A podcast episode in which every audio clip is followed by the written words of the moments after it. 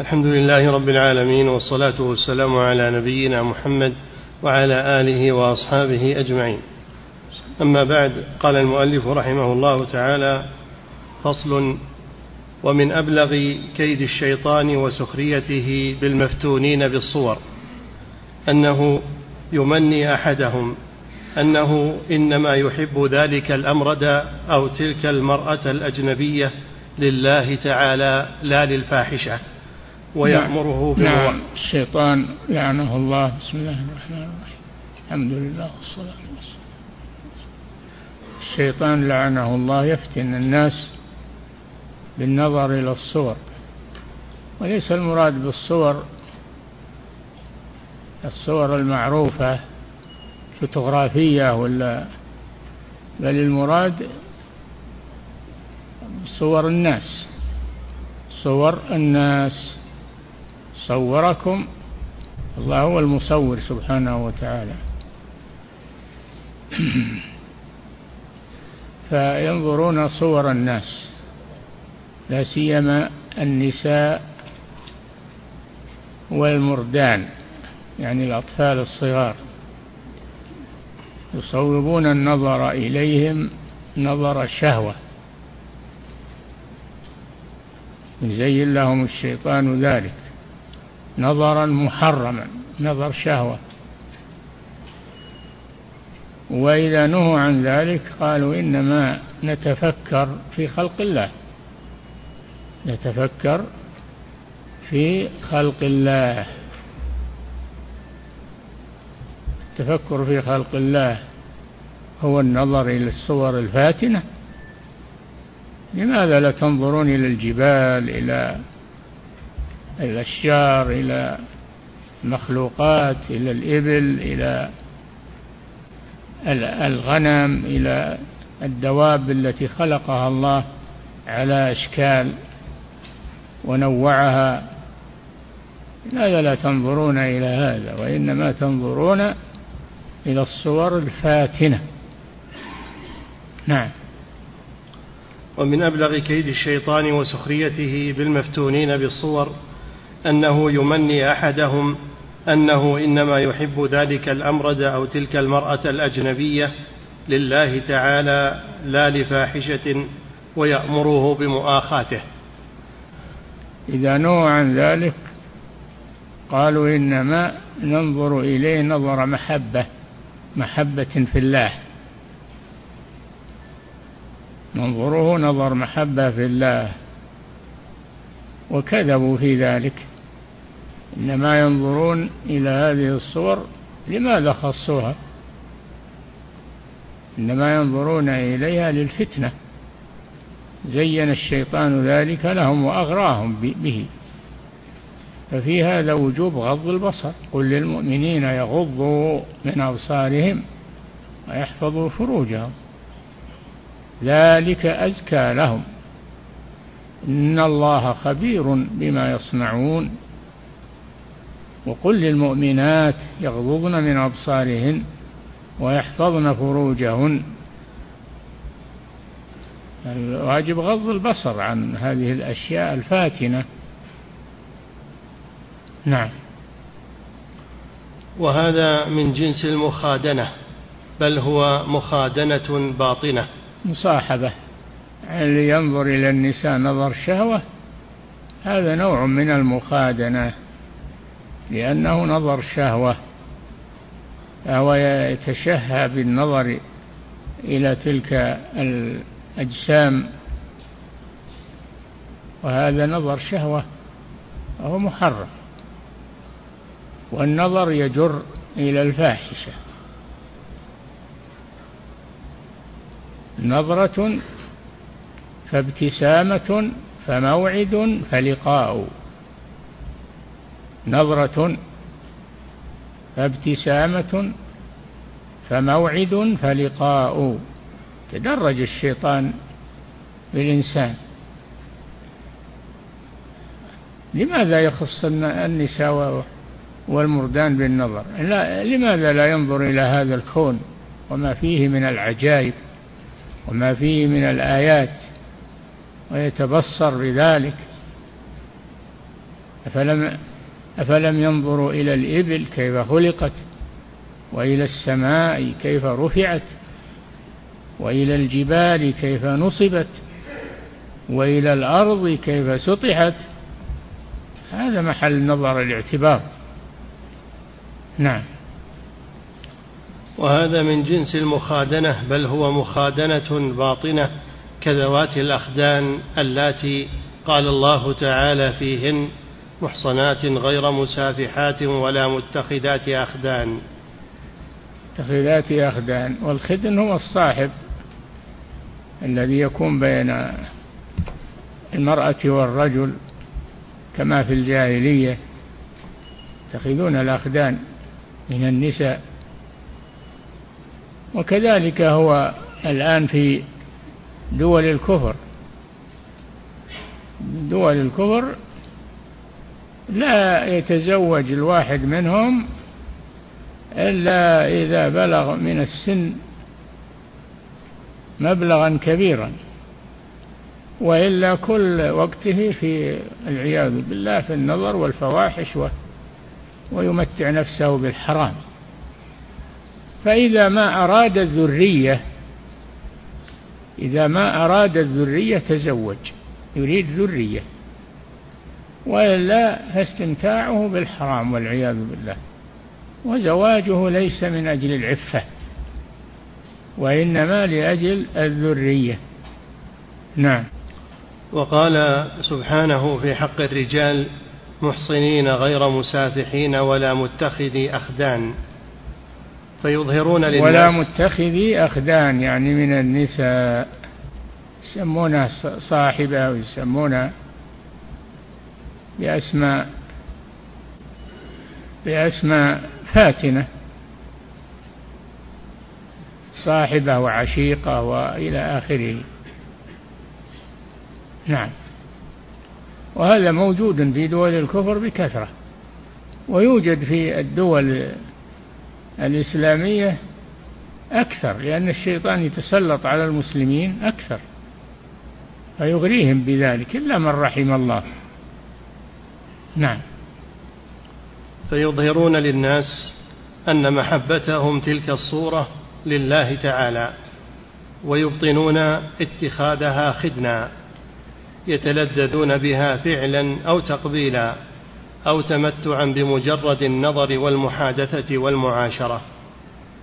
نعم. واعتقادهم أن هذا لله وأنه قربة وطاعة هو من أعظم الضلال والغي وتبديل الدين. هذا نظر شهوة ما هو نظر؟ ما هو نظر؟ يعني آه، نظر مصاحبة أو نظر إنما هو نظر شهوة وهو مرض قاتل يجر إلى شر. الذين يذهبون إلى تجمعات النساء وإلى أسواق النساء ينظرون إليهن هم من هذا النوع الذين خدعهم الشيطان. تجده ما له شغل إلا يروح ويجي يروح ويجي مع الوسواق وينظر إلى هؤلاء النساء لا سيما إذا كن متبرجات والمرأة تتبرج إذا خرجت. إلا من رحم الله. المرأة تتبرج إذا خرجت لأنها تحب أن أن تفتن الناس وأن ينظروا إليها وأن, وأن يتعلقوا بها. ما تخرج محتشمة. النبي صلى الله عليه وسلم يقول وليخرجن تفلات تفلات يعني غير متزينات. وإنما يخرجن متسترات بلباس ليس لباس زينة وإنما هو لباس ستر. أما لباس الزينة فهو من مما ذكر النبي صلى الله عليه وسلم كاسيات عاريات. هؤلاء كاسيات عاريات. إذا ابتليت المرأة لتخرج في التلفزيون في مقابلة فإنها تتجمل أكثر مما تتجمل لزوجها. تعرض نفسها في التلفزيون وبدل أن يراها واحدة وعشرة يراها العالم كله أمام العالم والعياذ بالله. ولتتق الله هؤلاء النسوة اللاتي يعرضن أنفسهن للفتنة ويعرضن غيرهن للفتنة. نعم.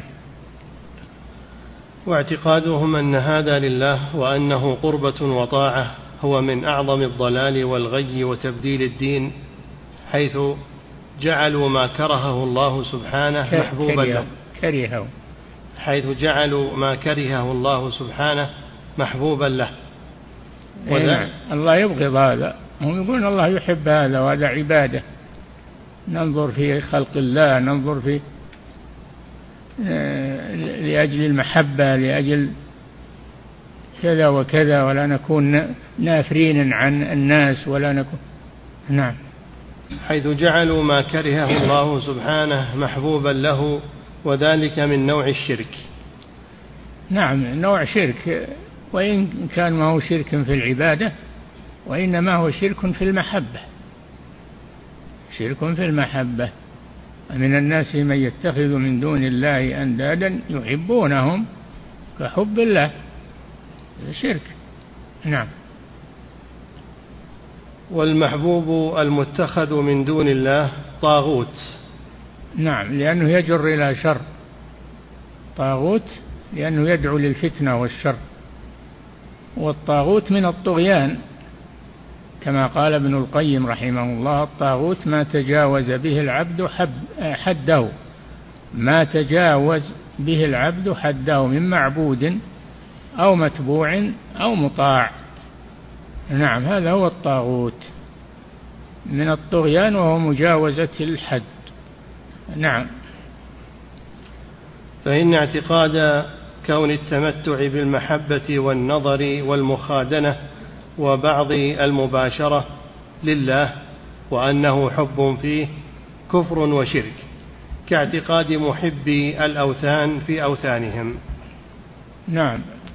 الأوثان ما عبدوها المشركون ما عبدها المشركون إلا لأنهم يحبونها.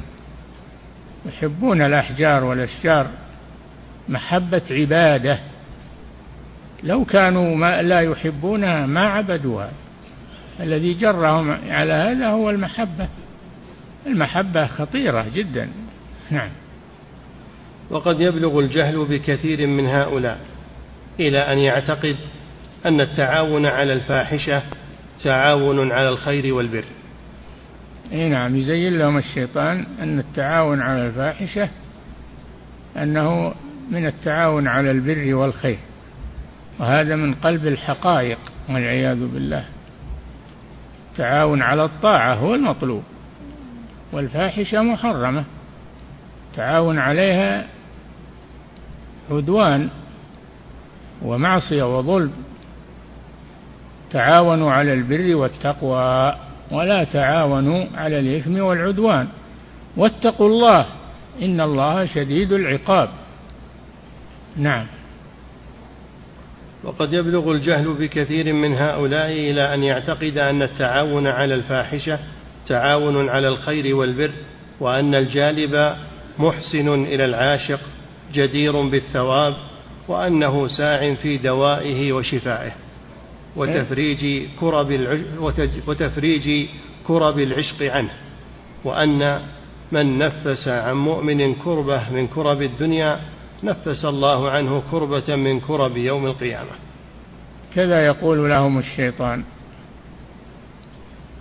في إطلاق أبصارهم على النساء والمردان والفتنة؟ يقول لهم الشيطان ذلك. البصر فيه, فيه, فيه خطورة إذا لم يصنه الإنسان ففيه خطورة عظيمة. نعم. فصل ثم هم بعد هذا الضلال والغي أربعة أقسام. قوم يعتقدون أن هذا لله وهذا كثير في طوائف العامة والمنتسبين إلى الفقر والتصوف وكثير من الأتراك. نعم يعتقدون أن هذا العمل أنه من التقرب إلى الله ومن نشر المحبة بين الناس والألفة كذا يقول لهم الشيطان. نعم. وقوم يعلمون في الباطن أن هذا ليس لله وإنما يظهرون أنه لله خداعا ومكرا وتسترا. يعلمون أن هذا ليس لله وإنما يقولون هو لله من باب الخداع للناس. وهؤلاء أشد من الذين قبلهم. نعم. وهؤلاء من وجه أقرب إلى المغفرة من أولئك لما يرجى لهم من التوبة ومن وجه أخبث لأنهم يعلمون التحريم ويأتون المحرم. نعم. وأولئك قد اشتبه الأمر على بعضهم كما اشتبه على كثير من الناس أن استماع أصوات الملاهي قربة وطاعة. ووقع في ذلك من شاء الله من الزهاد والعباد. نعم في ناس يتخذون الغناء قربة إلى الله لأنه يعني من التذكير ومن بزعمهم. من يتخذ آلات الله من باب القربة إلى الله. وهكذا المعاصي يقولون هذه تقرب إلى الله وهذا من الانتكاس. بل هذه تبعد عن الله وتوقع في الفاحشة. الله جل وعلا يقول قل للمؤمنين يغضوا من أبصارهم ويحفظوا فروجهم ذلك أزكى لهم. ثم توعدهم توعدهم بأنه خبير بما يصنعون. إن الله خبير بما يصنعون لا يخفى عليه شيء. نعم. وكذلك اشتبه على من هو أضعف علما وإيمانا أن التمتع بعشق الصور ومشاهدتها ومعاشرتها عبادة وقربة. تدرج بهم الشيطان شيئا فشيئا حتى يوقعهم في الضلال يزين لهم الفساد بصورة الصلاح يزين لهم الفساد أنه صلاح. من ذلك في النظر. يزين لهم أنه قربة إلى الله وصلاح مع أنه مع أن الله حذر منه. قل للمؤمنين يغضوا من أبصارهم ويحفظوا فروجهم. إن الله خبير بما يصنعون. النبي صلى الله عليه وسلم يقول النظر سهم. مسموم من سهام إبليس. النظر سهم مسموم من سهام إبليس. فإذا أطلقه الإنسان فإنه يقتله. هذا السهم وين يروح؟ يرجع إليه فيقتله ويوقعه في الشر والفساد. نعم. القسم الثالث مقصودهم الفاحشة الكبرى. فتارة يكونون من أولئك الضالين الذين يعتقدون أن هذه المحبة التي لا وطأ فيها لله تعالى وأن الفاحشة معصية.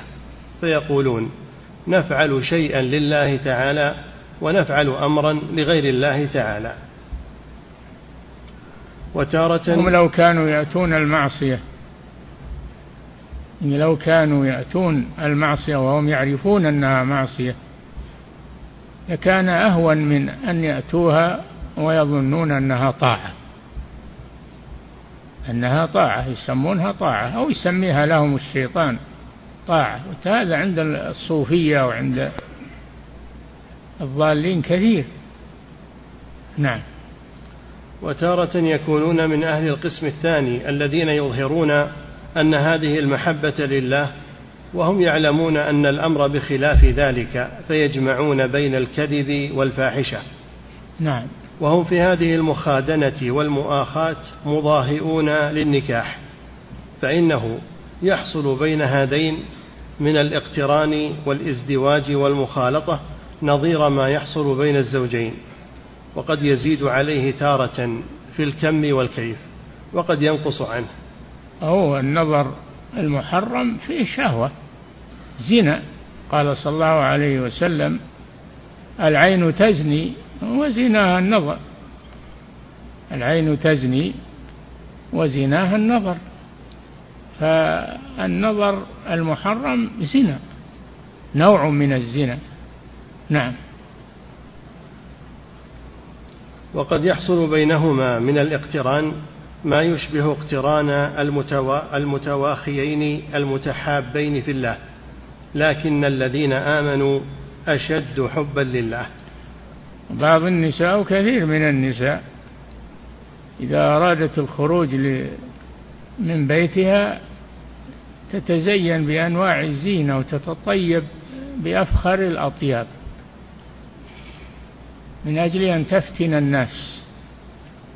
ويزين الشيطان لها ذلك بأنه من الإحسان ومن آه، آه، التجمل وإزالة إزالة آه، يعني الأذى وإزالة زين الشيطان هذا.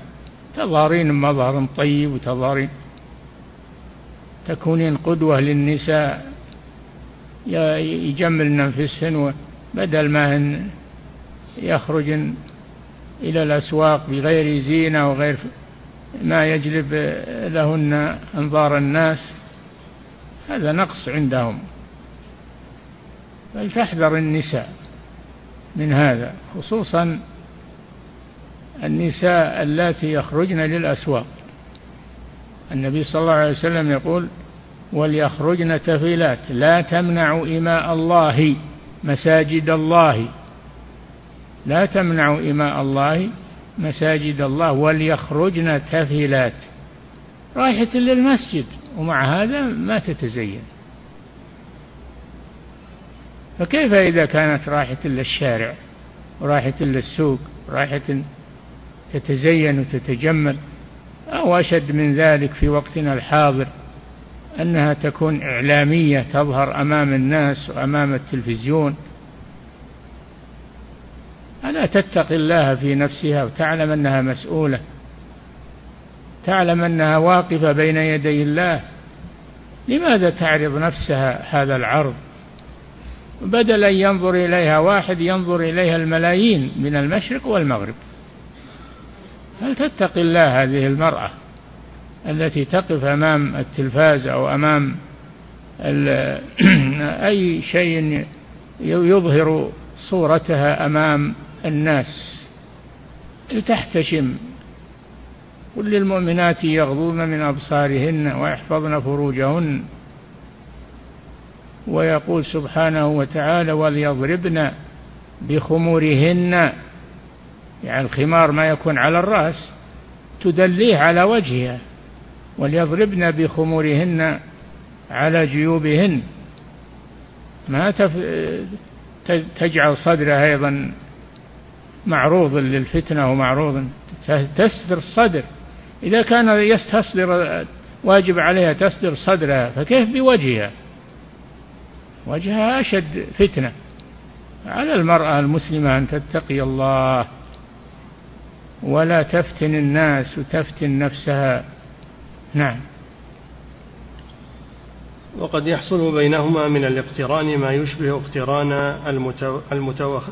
المتواخيين المتحابين في الله لكن الذين آمنوا أشد حبا لله فإن المتحابين في الله يعظم تحابهما ويقوى ويثبت بخلاف هذه المواخاة والمحبة الشيطانية.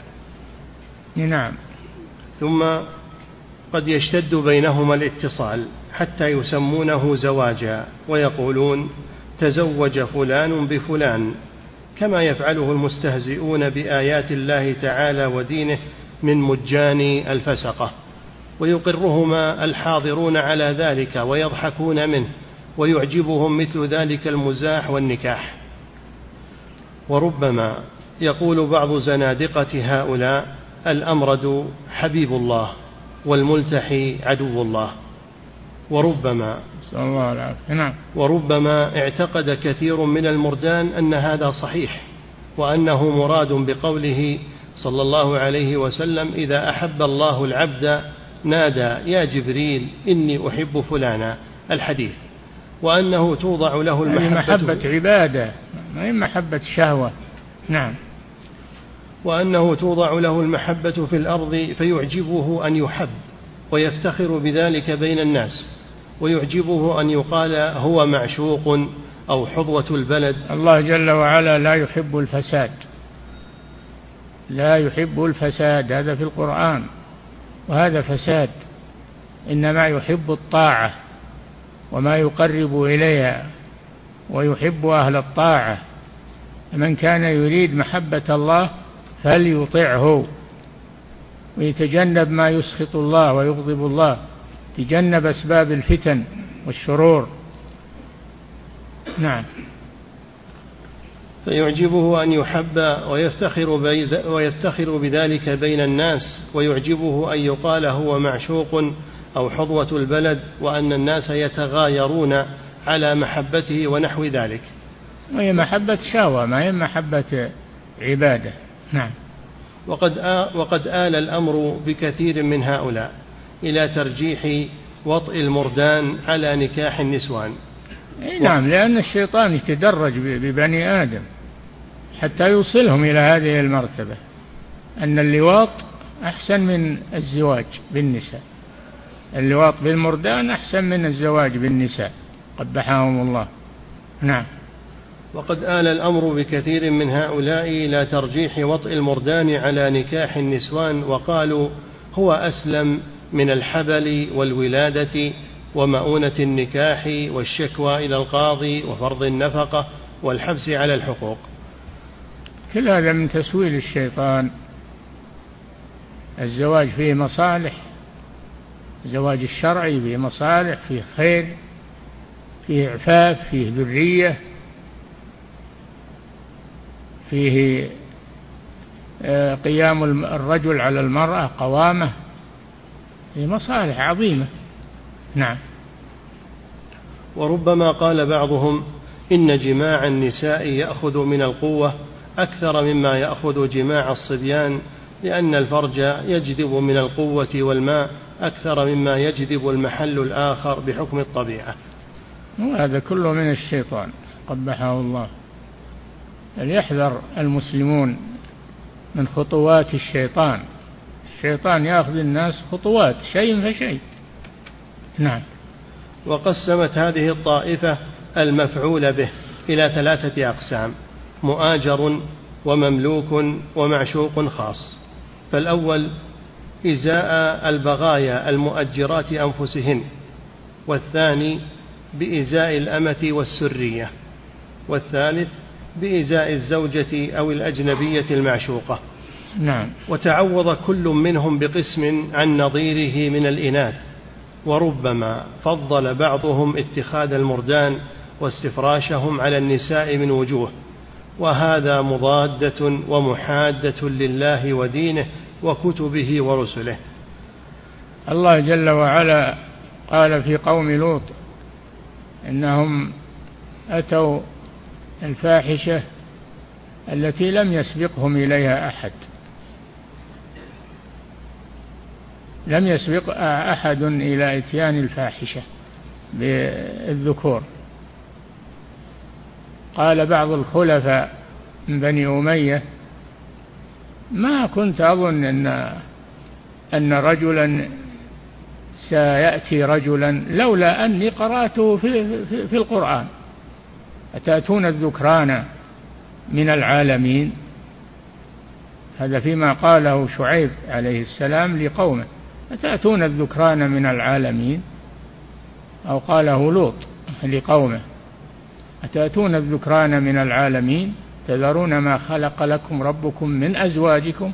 بل أنتم قوم عادون. من العدوان والعياذ بالله. من تعدي الحلال إلى الحرام. ومن الاعتداء على حرمات الله عز وجل. نعم.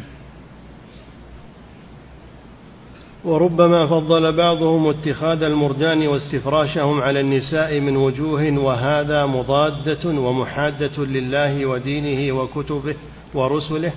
وصنف بعضهم كتابا في هذا الباب وقال في أثنائه باب في المذهب المالكي وذكر فيه الجماع في الدبر من الذكور والإناث وقد إيه، علم. كذبوا على مالك وعلى مذهب مالك رحمه الله. نعم.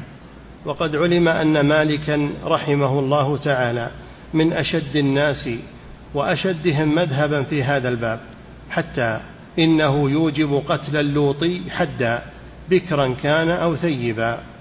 نعم. وقوله في ذلك هو أصح المذاهب. أبو بكر الصديق رضي الله عنه حرق حرق اللوطية في النار. حرقهم في النار. وأقره ابن عباس على ذلك إلا أنه ابن عباس يرى قتلهم بالسيف بدلا من النار لأنه لا يعذب بالنار إلا الله سبحانه وتعالى.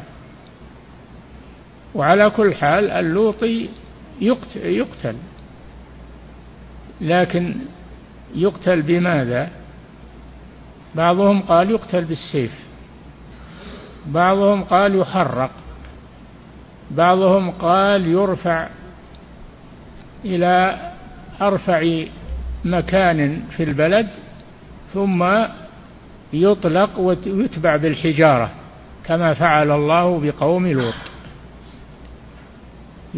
يؤخذ إلى أرفع مكان في البلد ثم يطلق إلى الأرض ويتبع بالحجارة كما فعل الله بقوم لوط.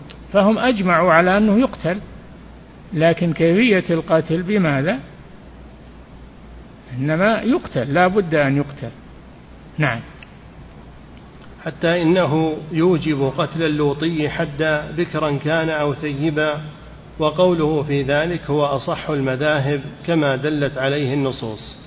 نعم. واتفق عليه أصحاب رسول الله صلى الله عليه وسلم وإن اختلفت أقوالهم في كيفية قتله. ولا يفرق بين بكر وثيب يقتل لأنه فساد. لو بقي لأفسد في الأرض وأفسد في البلد.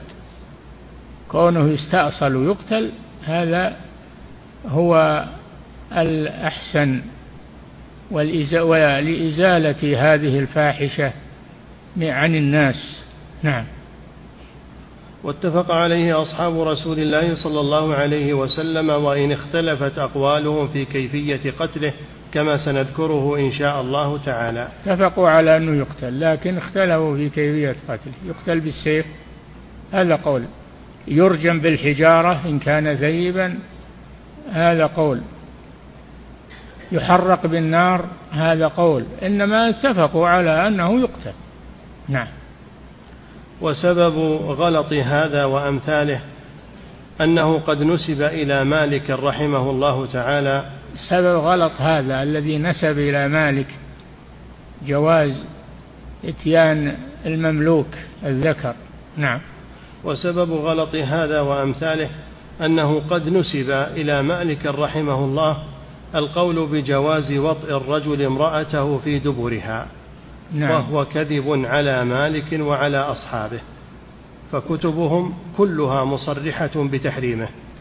نعم.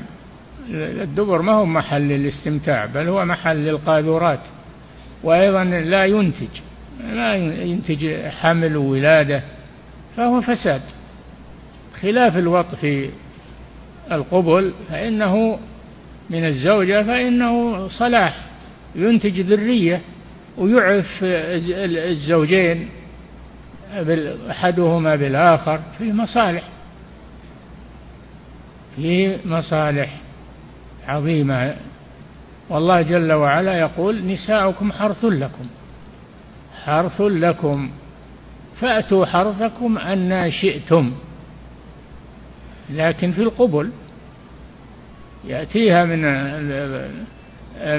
من وجهها يأتيها من قفاها لكن لا بد أن يكون الوطء في القبل لا يكون في الدبر أبدا. نعم. وسبب غلط هذا وأمثاله أنه قد نسب إلى مالك رحمه الله القول بجواز وطء الرجل امرأته في دبرها وهو كذب على مالك وعلى أصحابه فكتبهم كلها مصرحة بتحريمه ثم لما استقر عند هؤلاء أن مالكا يبيح ذلك نقلوا الإباحة من الإناث إلى الذكور وجعلوا الباب وإذا إذا نسب إلى أحد إلى أحد من العلماء. إذا نسب إلى أحد من العلماء قول من الأقوال فلا تصدق النقل بل ارجع إلى كتب هذا العالم. ارجع إلى كتبه. لتجد ما ما ما ثبت عنه ما ثبت عنه. وأما قول فلان وعلان فهذا لا يعتمد عليه. الكذب كثير. نعم. لا يعتمد على مجرد النقولات والأقوال من غير رجوع إلى الكتب التي ألفها المنسوب إليه ذلك الكلام. نعم. ثم لما استقر عند هؤلاء أن مالكا يبيح ذلك نقلوا الإباحة من الإناث إلى الذكور وجعلوا الباب بابا واحدا. وهذا كفر وزندقة من قائله بإجماع الأمة. أي نعم. ونظير هذا. ما يتوهمه, ما يتوهمه كثير من الفسقة وجهال الترك وغيرهم. أن مذهب أبي حنيفة رحمه الله أن هذا ليس من الكبائر وغايته أن تكون صغيرة من الصغائر. كم نسبوا إلى الأئمة من الأقوال الفاسدة والكاذبة؟ ما هو محض افتراء عليهم. ونحن إذا نسب إلى أحد من العلماء شيء نرجع إلى كتبهم. كتبهم وثائق نرجع إلى كتبهم. لو كان هذا صحيحا لكان في كتبهم. أما مجرد قال فلان وقال فلان فهذا لا يعتمد عليه. نعم. وهذا من أعظم الكتب والحمد لله. كتب المذاهب الأربعة مدونة ومدروسة ومتناقلة من جيل إلى جيل. فهي محفوظة والحمد لله. كتب. نعم. وهذا من وهذا من أعظم الكذب والبهت على الأئمة. فقد أعاد الله أبا حنيفة وأصحابه من ذلك. نعم. وشبهة أبو حنيفة هو أقدم الأئمة الأربعة من أتباع التابعين وقيل إنه أدرك بعض الصحابة فهو من التابعين. له مكانة عظيمة في الإسلام رحمه الله ولا ينسب إليه شيء لا يليق به. وهذه كتبه موجودة. إذا نسب إليه شيء الحمد لله كتبه موجودة. كتب أصحابه موجودة الذين رووا عنه. نعم. وشبهة هؤلاء الفسقة الجهلة أنهم لما رأوا أبا حنيفة رحمه الله لم يوجب فيه الحد ركبوا على ذلك أنه ليس من كبائر الذنوب بل من صغائرها وهذا ظن كاذب. فإن أبا حنيفة رحمه الله لم يسقط فيه الحد لخفة أمره. وإن, وإن, وإن جرمه عنده وعند جميع أهل الإسلام أعظم من جرم الزنا, من جرم الزنا. ولهذا عاقب الله سبحانه أهله بما لم يعاقب به أمة من الأمم. نعم قوم لوط أهل اللواط. نعم. عاقبهم الله بعقوبة لم يعاقب بها أحدا من الأمم لأنهم أتوا فاحشة لم يسبقهم بها أحد من العالمين وهي إتيان الذكور. نعم. ولهذا عاقب الله سبحانه أهله بما لم يعاقب به أمة من الأمم وجمع عليهم من أنواع العذاب ما لم يجمعه على غيرهم.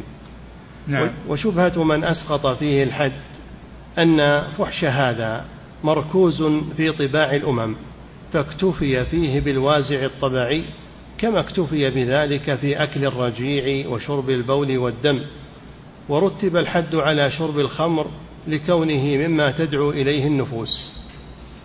نعم. والجمهور يجيبون عن هذا بأن في النفوس الخبيثة المتعدية المتعدية حدود الله أقوى الداعي لذلك فالحد فيه أولى من الحد في الزنا ولذلك وجب الحد على من وطئ أمه وابنته وخالته وجدته وإن كان في النفوس وازع وزاجر طبعي عن ذلك بل حد هذا القتل بكل حال بكرا كان أو محصنا في أصح الأقوال وهو مذهب أحمد وغيره. نعم من أتى محرمه من النساء فإنه يقتل. يعني قال إن كان بكر يجلد وإن كان ثيب يرجم لا يقتل على كل حال. نعم. هذا ونفرة النفوس عن ذلك أعظم بكثير من نفرتها عن المردان. نعم. ونظير هذا الظن الكاذب والغلط الفاحش. ظن كثير من الجهال أن الفاحشة بالمملوك كالمباحة أو مباحة أو أنها أيسر من ارتكابها من الحر.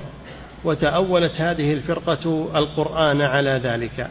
وأدخلت المملوك في قوله سبحانه إلا على أزواجهم أو ما ملكت أيمانهم فإنهم غير ملومين. أو ما ملكت أيمانهم يعني من النساء. أو ما ملكت أيمانهم من الرجال والعياذ بالله وقبح من قال هذا. نعم. حتى إن بعض النساء لتمكن عبدها من نفسها وتتأول القرآن على ذلك. لأنه ملك يمين. لأنه ملك يمين. لا يجوز للمرأة أن تمكن مملوكها. تقول هذا ملك لي. لا. هذا ما يملك الشيء هذا. وأنت ما تملكين الشيء هذا. هذا فاحشة. نعم. حتى إن بعض النساء لتمكن عبدها من نفسها وتتأول القرآن على ذلك كما رفع إلى عمر بن الخطاب رضي الله عنه امرأة تزوجت عبدها وتأولت هذه الآية. ففرق عمر بينهما وأدبها وقال ويحك إنما هذا للرجال لا للنساء. نعم. ومن تأول هذه الآية على وطء الذكران من إنما هذا للرجال أنهم أن الرجال يستمتعون بمملوكاتهم تسرون بهن بمملوكاتهم. هذا للرجال. أو ما ملكت أيمانهم يعني الرجال. أما المرأة إذا ملكت عبدا فلا تتسرى به. لا يجوز هذا. نعم. ومن تأول هذه الآية على وطء الذكران من المماليك فهو كافر باتفاق الأمة. أي نعم من فسر ملك اليمين بالذكور أن لمالكه أن يفعل فيه الفاحشة فهو كافر. كافر باتفاق الأمة. نعم. قال شيخنا رحمه الله الشيخ الإسلام بن تيمية نعم هو شيخ ابن القيم نعم. قال شيخنا رحمه الله ومن هؤلاء من يتأول قوله تعالى ولعبد مؤمن خير من مشرك ولو أعجبكم على ذلك قال سألني مرة بعض الناس عن هذه الآية وكان ممن يقرأ القرآن فظن أن معناها في إباحة ذكران العبيد المؤمنين. قال ومنهم من يجعل ذلك مسألة نزاع يبيحه. أولها ولا تنكحوا ولا تنكحوا المشركين حتى يؤمنوا. لا تنكحوا لا تزوجون المشركين حتى يؤمنوا ولا عبد مؤمن خير من مشرك. ولو أعجبكم. نعم. قال ومنهم من يجعل ذلك مسألة نزاع يبيحه بعض العلماء ويحرمه بعضهم ويقول اختلافهم شبهة وهذا كذب وجهل فإنه ليس في فرق الأمة من يبيح ذلك بل نعم. ولا في دين من أديان الرسل صلوات الله وسلامه عليهم وإنما هذه هذه كتبهم موجودة كتب الأئمة وأتباعهم من أصحاب الأئمة الأربعة موجودة ومدونة ما يوجد فيها شيء من هذا البهت والكذب نعم وإنما يبيحه وإنما يبيحه زنادقة العالم الذين لا يؤمنون بالله ورسله وكتبه واليوم الآخر. نعم. قال ومنهم من يقول هو مباح للضرورة مثل أن يبقى الرجل أربعين يوما لا يجامع. إلى أمثال هذه الأمور التي خاطبني فيها وسألني عنها طوائف من الجند والعامة والفقراء. هذا كلام شيخ الإسلام. نعم. قال ومنهم من قد بلغه خلاف بعض العلماء في وجوب الحد فيه وظن أن ذلك خلاف في التحريم ولم يعلم أن الشيء قد يكون من أعظم المحرمات كالميتة والدم ولحم الخنزير وليس فيه حد مقدر. نعم. ثم يعني ذلك لأن فحشه يكفي فحشه ينفر الناس عنه أكثر مما ينفر الحد والجلد والرجم. نعم. ثم ذلك الخلاف. قد يكون قولا ضعيفا فيتولد من ذلك القول الضعيف الذي هو من خطأ بعض المجتهدين وهذا الظن الفاسد الذي هو خطأ بعض الجاهلين تبديل الدين وطاعة بعض الشياطين ومعصية رب العالمين. ولهذا يقولون من تتبع الرخص تزندق. الذي يتتبع أقوال العلماء ويقول ما دام قال به فلان وما ما دام هذا موجود في المذهب الفلاني فيكون سهلا الوقوع فيه. الكلام على كتاب الله وسنة رسوله ما على الكتب. كتب يكون فيها الصحيح ويكون فيها الضعيف ويكون فيها الحق ويكون فيها الباطل لأنها لأنها من أقوال الرجال. خلاف الوحي المنزل من الله عز وجل هو المرجع. هو المرجع الكتب. ما وافق القرآن والسنة مما في الكتب فهو حق. وما خالف الكتاب والسنة مما فيها فهو باطل ولو كان في الكتب. ولكن الحمد لله الكتب المذاهب الأربعة ليس فيها شيء من هذا الإفك وهذا الكذب. لأنها مدروسة ومرت على أجيال من العلماء ودونوها ومحصوها خلصوها فهي فهي إرث طيب. نعم. فإذا انضافت الأقوال الباطلة إلى الظنون الكاذبة وأعانتها الأهوية الغالبة فلا تسأل عن تبديل الدين بعد ذلك والخروج عن جملة الشريعة بالكلية. نعم. ولما سهل هذا الأمر في نفوس كثير من الناس صار كثير من المماليك يتمدح بأنه لا يعرف غير سيده وأنه لم يطأه سواه. كما تتمدح المرأة والأمة بأنها لا تعرف غير سيدها وزوجها. نعم. وكذلك كثير من المردان يتمدح بأنه لا يعرف غير خدينه وصديقه أو مواخيه أو معلمه. وكذلك كثير من الفاعلين يتمدح بأنه عفيف عما سوى خدنه الذي هو قرينه وعشيره. كالزوجة أو عما سوى مملوكه الذي هو كسريته. نسأل الله العافية. نعم. ومنهم من يرى أن التحريم إنما هو إكراه الصبي على فعل الفاحشة فإن كان مختارا راضيا لم يكن بذلك بأس. فكأن المحرم عنده من ذلك إنما هو الظلم والعدوان بإكراه المفعول به. قال شيخنا رحمه الله وحكى لي وحكى لي من أثق به أن بعض هؤلاء أخذ على هذه الفاحشة فحكم عليه بالحد فقال والله هو ارتضى بذلك وما, وما أكرهته ولا غصبته فكيف أعاقب؟ فقال نصير المشركين وكان حاضرا. هذا حكم محمد بن عبد الله وليس لهؤلاء ذنب. نصير الدين الطوسي الخبيث. نعم. ومن هؤلاء من يعتقد أن العشق إذا بلغ بالعاشق إلى حد يخاف معه التلف نعم. أبيح له وطء معشوقه نعم للضر. أعد. ومن هؤلاء من يعتقد أن العشق إذا بلغ بالعاشق إلى حد يخاف معه التلف. أبيح له وطء معشوقه للضرورة وحفظ النفس. أعوذ بالله.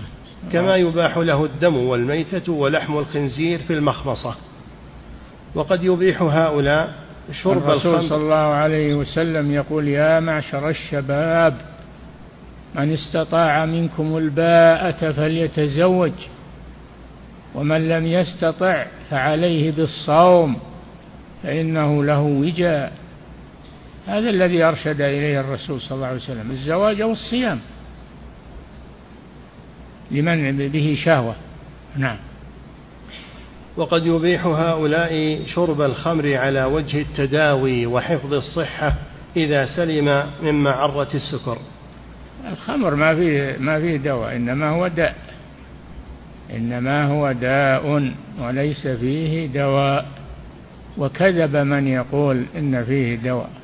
نعم. ولا ريب أن الكفر والفسوق والمعاصي درجات كما أن الإيمان والعمل الصالح درجات. كما قال تعالى هم درجات عند الله والله بصير بما يعملون. نعم. وقال سبحانه ولكل درجات مما عملوا وما ربك بغافل عما يعملون. نعم. وقال سبحانه إنما النسيء زيادة في الكفر. وقال النسيء هو تأخير الأشهر الحرم إلى وقت آخر. الأشهر الحرم اللي هي شوال وذو القعدة وذو الحجة ورجب. يأخرونها في الجاهلية. يوخرونها على حسب هواهم. إنما النسيء هذا هو النسيء تأخير الأشهر الحرم. إنما النسيء زيادة في الكفر. يضل به الذين كفروا يحلونه عاما ويحرمونه عاما. ليواطئوا عدة ما حرم الله. زين لهم سوء أعمالهم. نعم. وقال تعالى الله لا يهدي القوم الكافرين. نعم. وقال تعالى وإذا ما أنزلت سورة فمنهم من يقول أيكم زادته هذه إيمانا. هذا المنافقون. المنافقون إذا ما أنزلت سورة على الرسول صلى الله عليه وسلم المؤمنون يفرحون.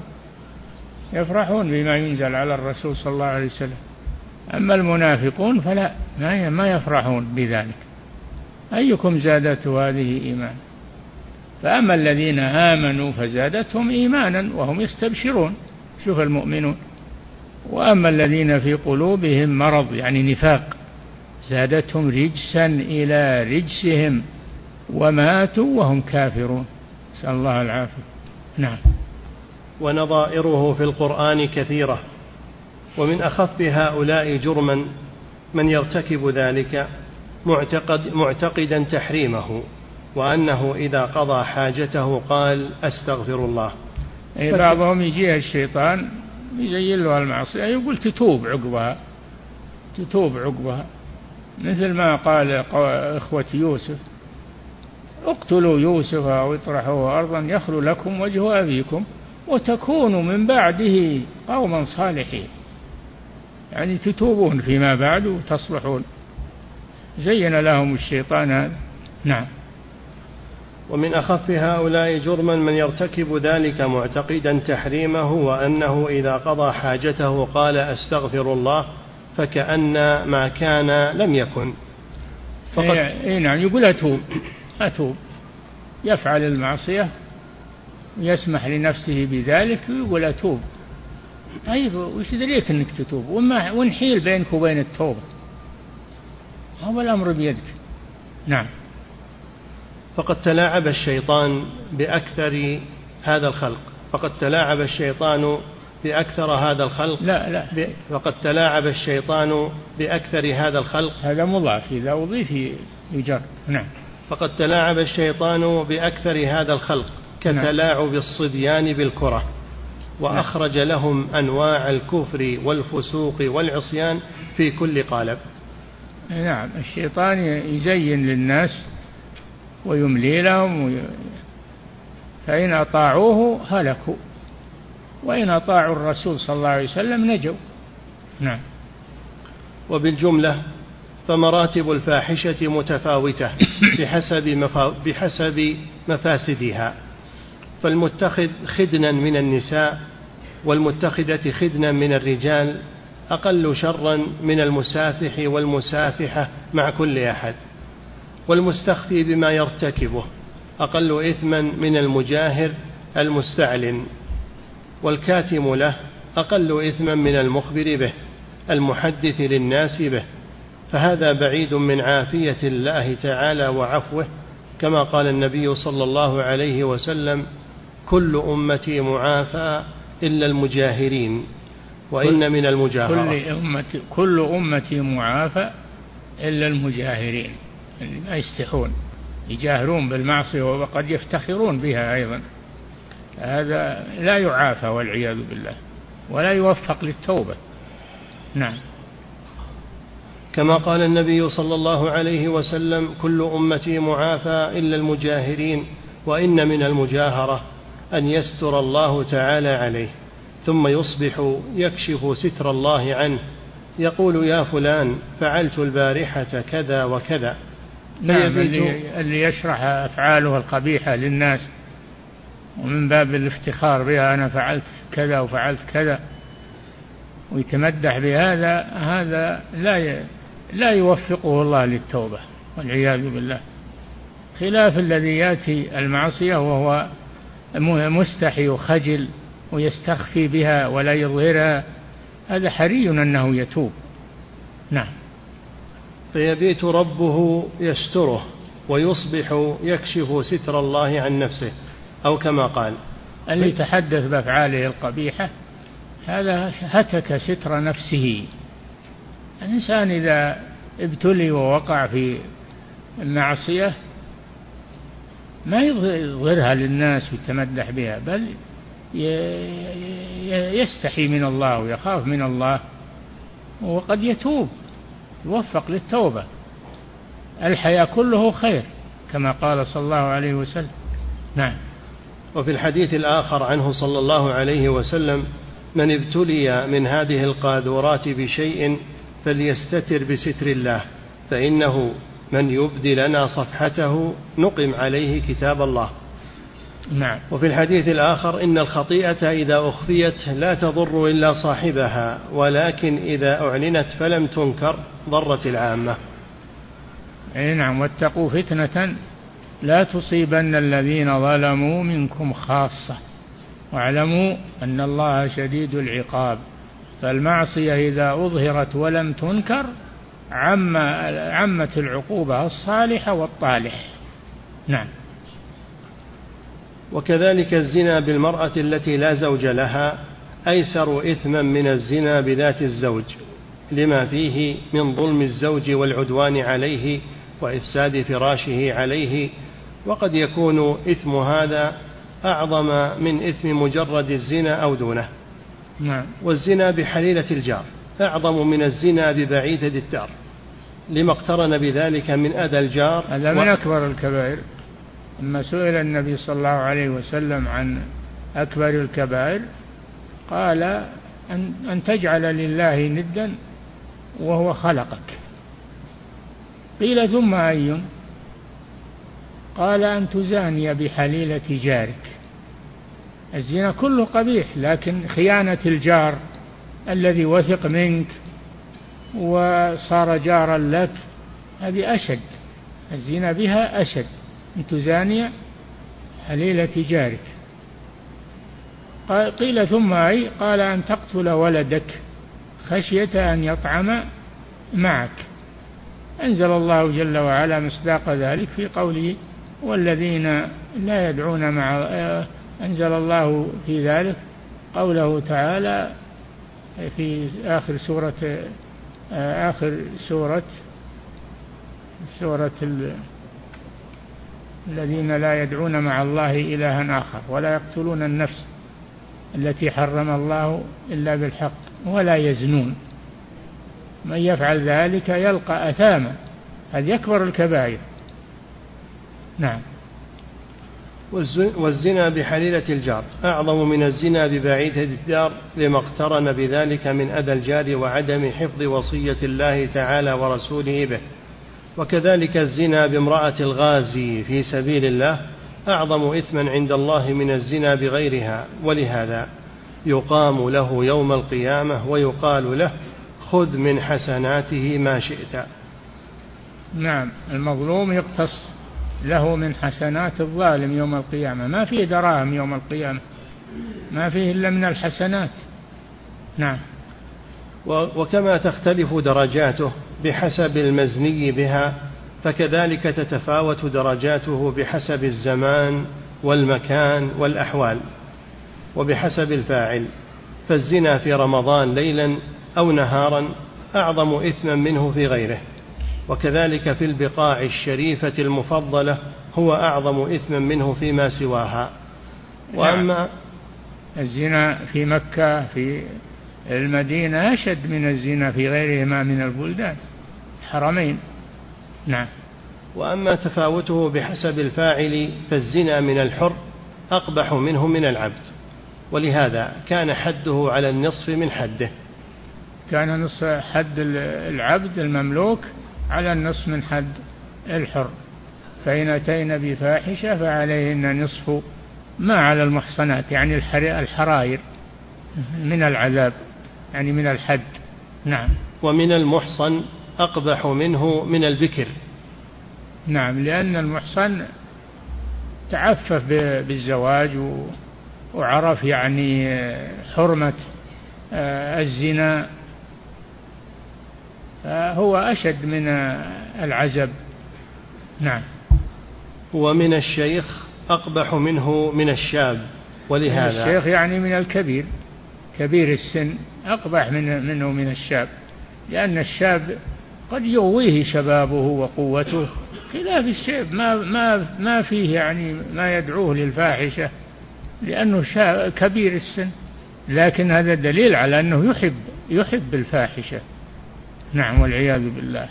ومن الشيخ ما حمله عليها لشدة الشهوة إنما حمله عليها أنه يحبها. نعم.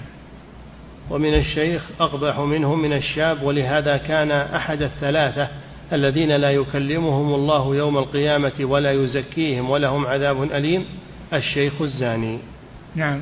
ومن وشيمط زان. وشيمط زان وهو الكبير. نعم. ومن العالم أقبح منه من الجاهل لعلمه بقبحه وما يترتب عليه وإقدامه على بصيرة. نعم. ومن القادر على الاستغناء عنه أقبح من الفقير العاجز. نعم. فصل.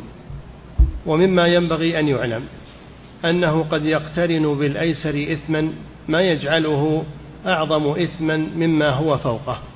مثاله أنه قد يقترن بالفاحشة من العشق الذي يوجب اشتغال القلب بالمعشوق. نقف عند هذا. نعم. فضيلة الشيخ وفقكم الله هذا سائل يقول ما يقع عليه النظر في أماكن العبادة كالحرم المكي مثلا من نساء كاشفات ومتبرجات.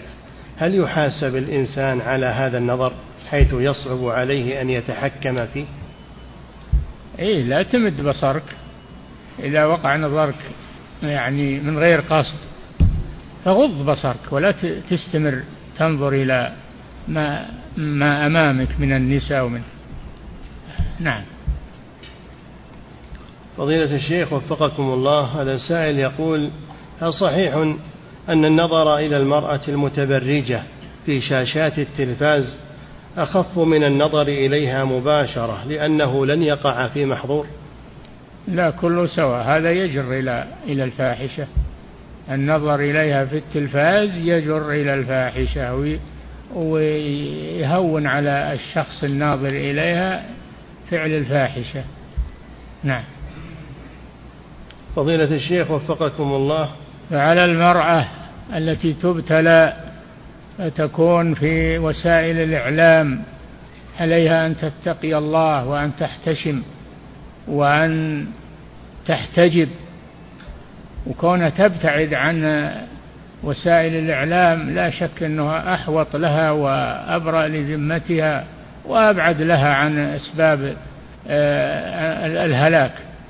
فلا المرأة لا تقرب وسائل الإعلام تبعد عنها تصون نفسها. نعم. وإذا ابتليت بوسائل الإعلام تحتجب تتحجب. وإذا قالوا لها تشترط عليهم أنها تتحجب. ما تهلك نفسها بهذا الأمر. نعم. فضيلة الشيخ وفقكم الله. هذا سائل يقول ما المقصود بأن الإنسان ليس بمؤاخذ بالنظرة الأولى إلى النساء؟ ما المقصود بهذه النظرة؟ غير المقصودة النظرة غير المقصودة. يعني أن تمشي وقع نظرك على امرأة أو على شيء لا يجوز النظر إليه كف كف بصرك ولا تؤاخذ على الفجأة. نظرة الفجأة ما تؤاخذ عليها. لكن إذا منك استمريت تؤاخذ. نعم. فضيلة الشيخ وفقكم الله هذا سائل يقول النظر إلى المرأة المخطوبة هل له حدود شرعية تقيده؟ الخاطب يعني نعم. الخاطب ينظر إلى مخطوبته. نعم أباح له الشارع أن ينظر إلى ما يدعوه إلى الرغبة فيها من كفيها ووجهها شعرها. نعم. ثم يقول حفظك الله وهل له أن يكتفي بالنظر إلى صورتها دون نظر مباشر؟ لا بأس بذلك هذا أسهل. نعم.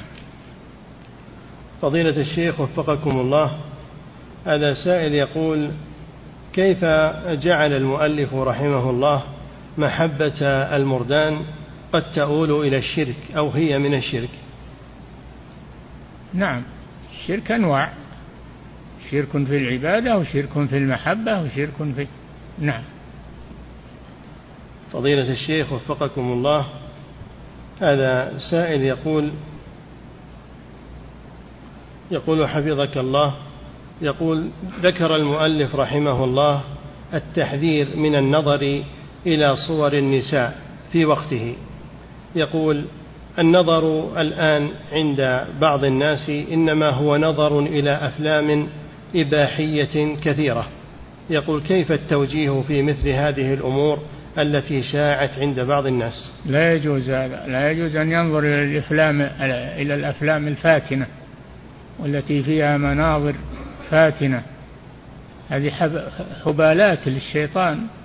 والذين جعلوها هم يريدون اصطياد الناس عليه أن يبتعد عنها ولا ينظر فيها. نعم. فضيلة الشيخ وفقكم الله هذا سائل يقول في بلاد الغرب هناك برامج تلفازية يدعون بعض من أسلم حديثا ليذكر ما فعله من المعاصي قبل الإسلام والفواحش ثم تركها بعد إسلامه بدعوى أنه قد يؤدي هذا إلى ترك الناس لهذه المعاصي. هذا كلام باطل. هذا كلام باطل. ولا يذكر ما حصل منه بعد توبته. ستر الله عليه فلا يفضح نفسه. فلا يفضح نفسه وقد ستر الله عليه. ويحمد الله على التوبة والبعد عن هذا الأمر. نعم. فضيلة الشيخ وفقكم الله هذا سائل يقول الأصل في المرأة أن تكون قارة في بيتها. هل هناك ضوابط لجواز خروجها إلى الشارع وإلى الأسواق وغير ذلك؟ نعم هناك ضوابط. أولا يكون هناك حاجة لا يقضيها غيرها. ما يقوم أحد بقضائها إلا هي. الأمر الثاني أن تتستر ولا يظهر منها شيء يفتن الرجال. الأمر الثالث أن لا تكثر التجوال وإذا أخذت حاجتها ترجع تسرع إلى بيتها. نعم. فضيلة الشيخ وفقكم الله هذا سائل يقول ذكر المؤلف رحمه الله الأتراك والترك فهل هم الموجودون الآن؟ أي هم الموجودون الآن. الأتراك والترك هم الموجودون الآن. نعم. فضيلة الشيخ وفقكم الله هذا سائل يقول ما حكم عمل المرأة مع الرجل في مكان واحد وفي غرفة واحدة؟ خلوة ما يجوز. ما يجوز أن يخلو بها في غرفة واحدة. لا بد يكون معهما ما تزول به الخلوة. نعم. فضيلة الشيخ وفقكم الله مر معنا أن من تتبع الرخص تزندق. ما المقصود بالزنديق؟ وهل هو كافر؟ الزنديق الذي لا دين له مثل ما يقولون الآن علماني هذا هو الزنديق. نعم. فضيلة الشيخ وفقكم الله هناك بعض من طلبة العلم يجيز الاستمناء خوفا من الوقوع في الفاحشة. إذا لم يستطع الزواج فهل هذا القول صحيح؟ لا هذا قول باطل. الله جل وعلا يقول والذين هم لفروجهم حافظون إلا على أزواجهم أو ما ملكت أيمانهم. لا يجوز وضع الشهوة إلا في الزوجة أو السرية مملوكة له. فمن ابتغى وراء ذلك يعني غير ذلك فأولئك هم العادون. والعادة السرية وراء ذلك. نعم. فضيلة الشيخ الرسول صلى الله عليه وسلم أرشد إلى غض البصر أرشد إلى الصيام لمن كان عنده شهوة يصوم الصوم الصوم يحد من الشهوة فإنه له وجاء فعليه بالصوم فإنه له وجاء يعني مثل الخصى له. نعم. فضيلة الشيخ وفقكم الله في قول الله سبحانه يسألونك عن الخمر والميسر قل فيهما إثم كبير ومنافع للناس. ما المراد بالمنافع المذكورة؟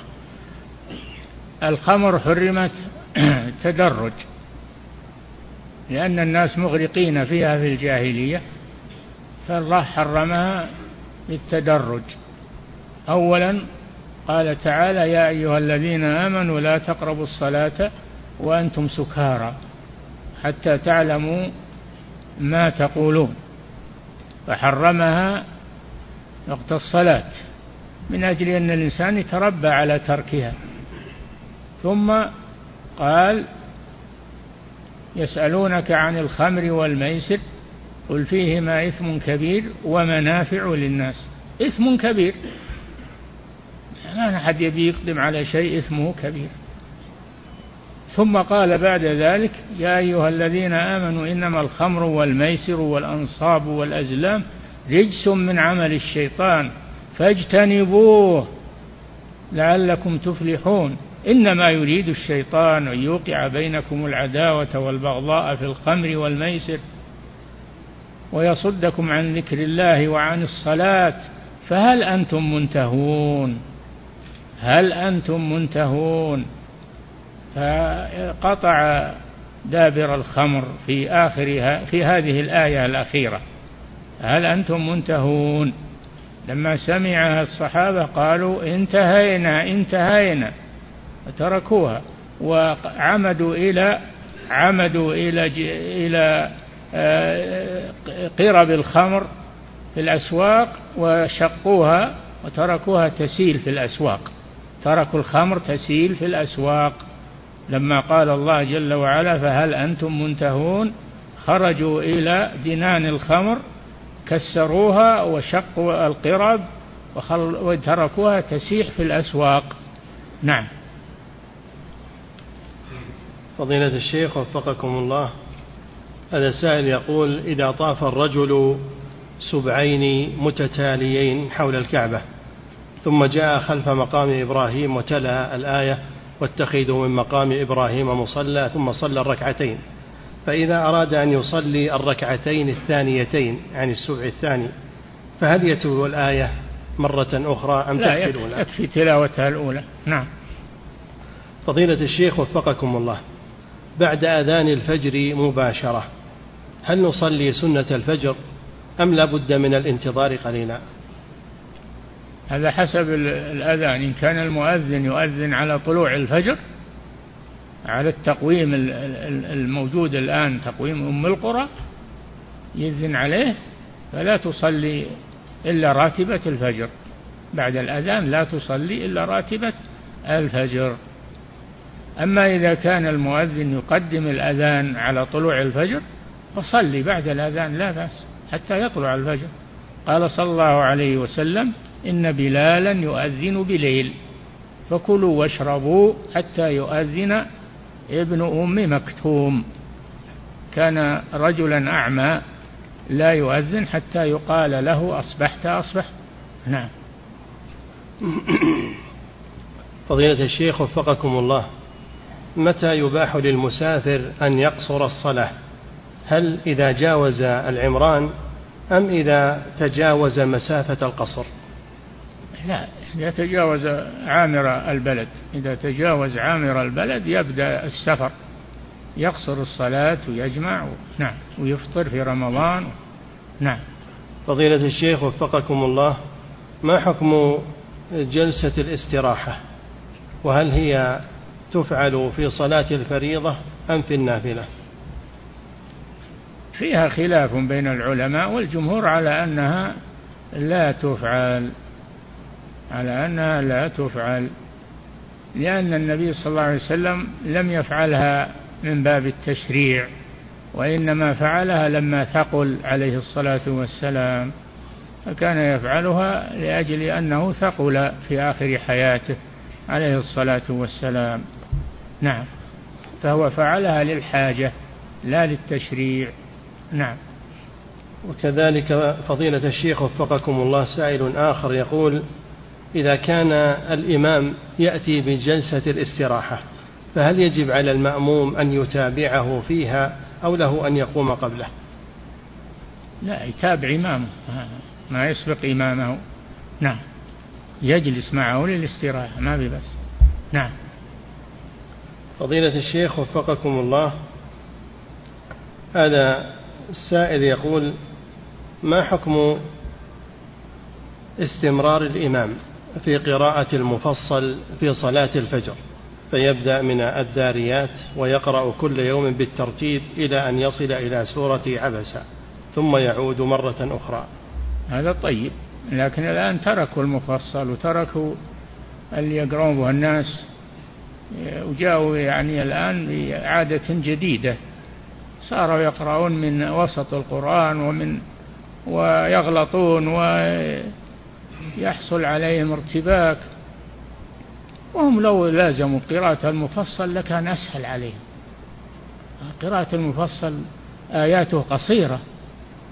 آيات المفصل قصيرة لأنها نزلت في مكة. هي من المكي. كله من مكي. خلاف السور الطوال والآيات الطويلة هذه نزلت بعد الهجرة. نعم. فضيلة الشيخ وفقكم الله في الصلاة الجهرية إذا قرأ الإمام سورة الفاتحة ثم أتبعها مباشرة بسورة يقول في الصلاة الجهرية إذا قرأ الإمام سورة الفاتحة ثم أتبعها مباشرة بسورة أخرى فهل يلزمني أن أقرأ الفاتحة أنا المأموم؟ إي نعم تقرأ الفاتحة ولو الإمام يقرأ ما في بس نعم. فضيلة الشيخ وفقكم الله هذا السائل يقول ما حكم الذهاب إلى القبر والقول للمقبور ادعوا الله لي بكذا وكذا حيث يفعله يقول بعض الناس عندنا؟ يقول ما حكم الذهاب إلى القبر والقول للمقبور ادعوا الله لي بكذا وكذا حيث يفعله بعض الناس المقبور يدعو الله.